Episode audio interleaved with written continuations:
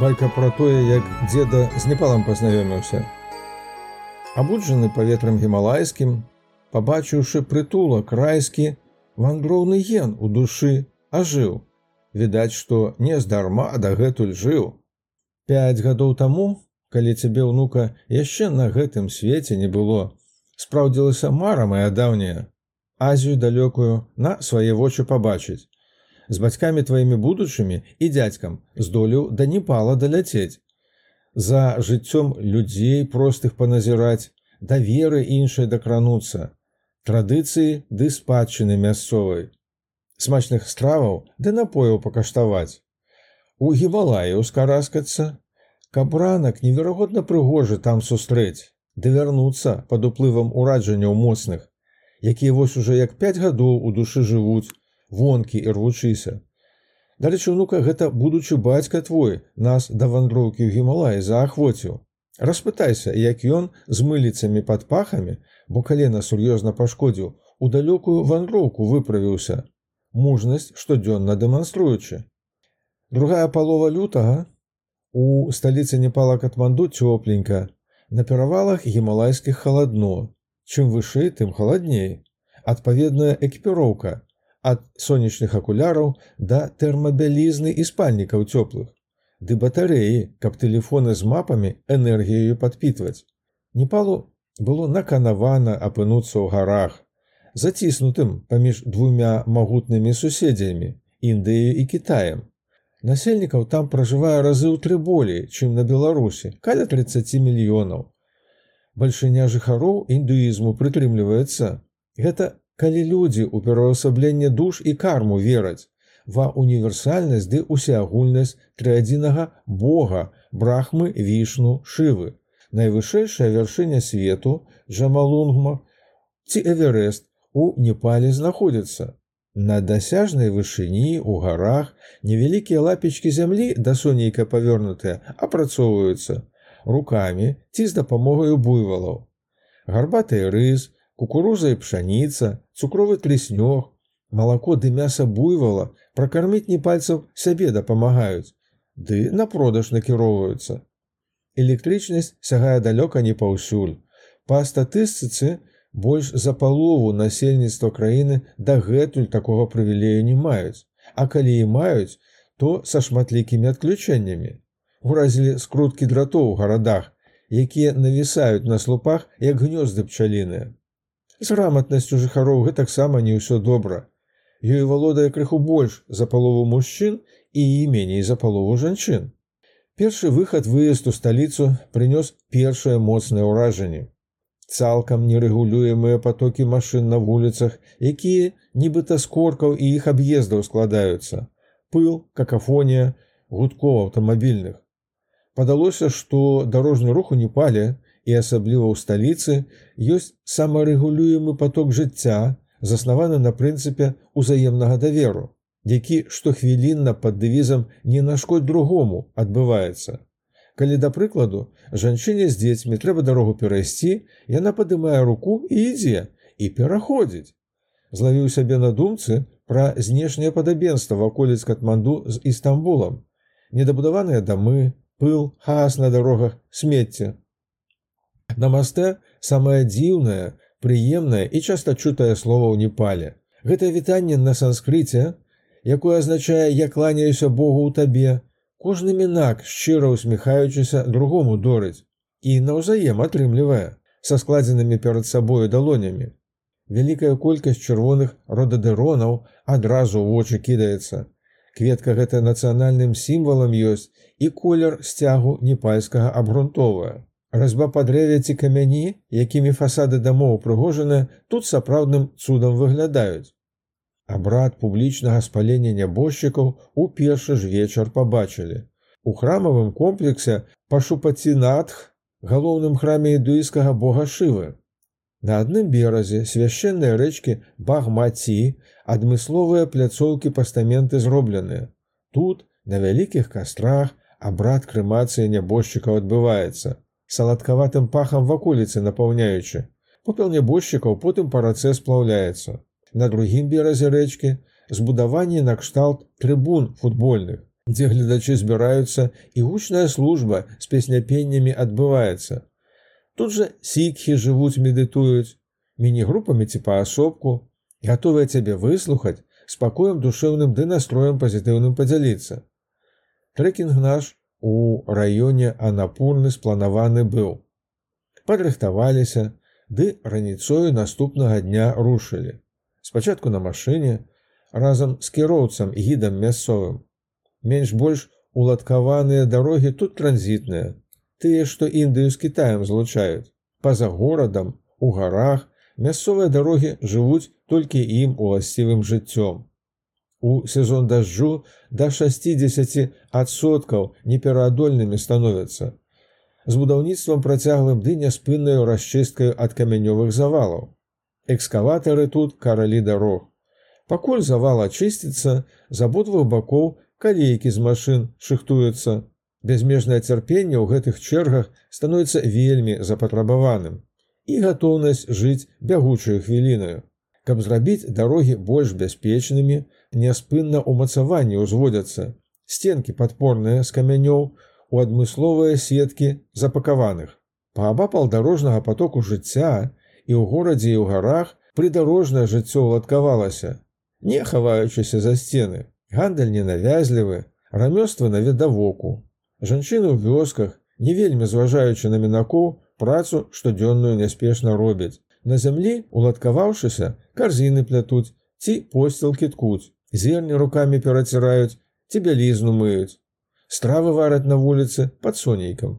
У горадзе мужчын на відавоку шыюць, вяжуць, плятуць, малююць і продаюць тут жа ж. Часта проста з зямлі. Шмат дзе бачылі сталых жанчын і мужчын, якія дровы ці будматэрыялы пераносілі. У конусам сплеценых карзінах за плячыма, лямкаю лоб апярэзваючы так традыцыйна і лягчэй. Прадукты і газавыя балоны у гару на флегматычных мулах ды аслах дастаўляюцца. Прыгожа апранутыя дзяўчаткі ды хлапчукі уздоўж дарог па некалькі кіલોметраў наверху ніз паведы штодня пешкі ходзяць. Гледзячы на іх, не мог пра адукацыю не падумаць. Пра не проста дасяжную сярэднюю, ды пра вышэйшую. Пра магчымасць ігУ быць заснаваным у непале паразважаць, пра відавочнае адрозненне, прыроды гуманітарнай веды на захадзе ды на ўсходзе, наколькі азіяцкі гуманізм, які на індуізме ды буддызме грунтуецца ад еўрапейскай трыяды хрысціянства, філасофія культура адрозніваецца. Прасоўваючыся наверх у дамках пад гатэльчыкі прыстасаваныя ночылі, здаралася чацвёра ў адным пакойчыку з фанернымі сценкамі і мінімальнымі выгодамі стомленыя ад пераходу ды ўражанняў моцных не вельмі на комфорт зважалі вячэралі спаць клаліся раней каб уставаць раненька зразумелі як проста гуманітарка абутак дзецям вязаныя шапкі дарослым чым вышэй тым большую каштоўнасць мела. І для нас і для мясцовых. Падняліся да прыгожага бялюткага снегу. Гулялі па тэрыторыі некалькіх манастыроў розных памераў і разбудаванасці. Гэтыя амаль пустыя былі. Звычайна ўзімку манахі да цяпла спускаюцца, пакідаючы на месцы вартаўнікоў. Дазналіся, што часта хлапчукоў у манастыры на выхаванне аддаюць, каб пад прыглядам ды накормленыя. Па дарозе сустракалі шматлікую колькасць скульптур буды, які нарадзіўся ў непале розных памераў, каля храмаў, ступаў і шматлікіх статуй буды малітоўныя барабаны усталяваныя, якія утрымліваюць скручаныя світкі з мантрамі. Кожны барабан пакруціць можна.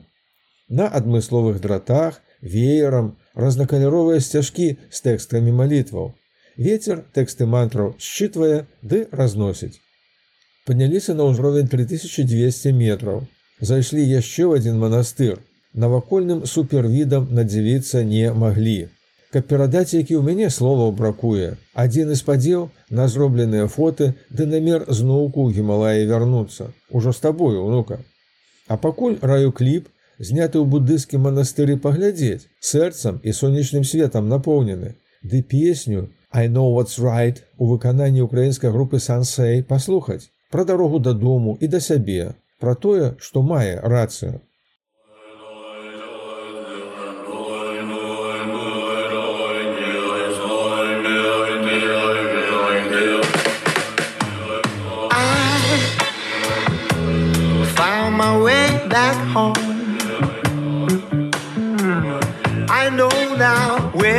I belong. Even if I close my eyes, even if I see that's not my sign, even if it's dark outside and nobody knows where to go, I know it's right.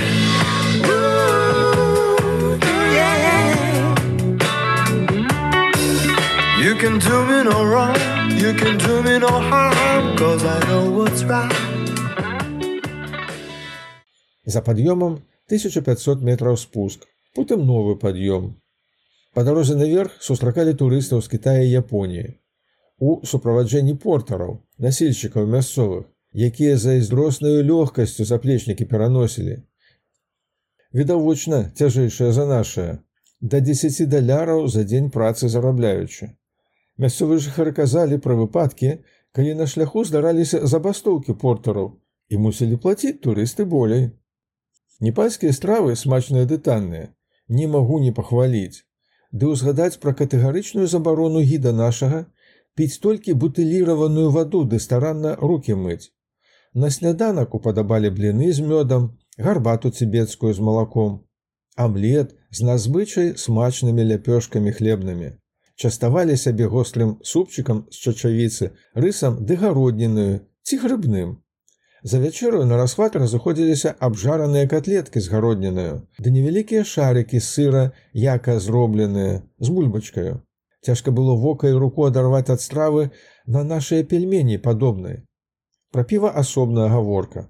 Такая ўнука арыфметыка, чым вышэй угару, тым даражэй піва.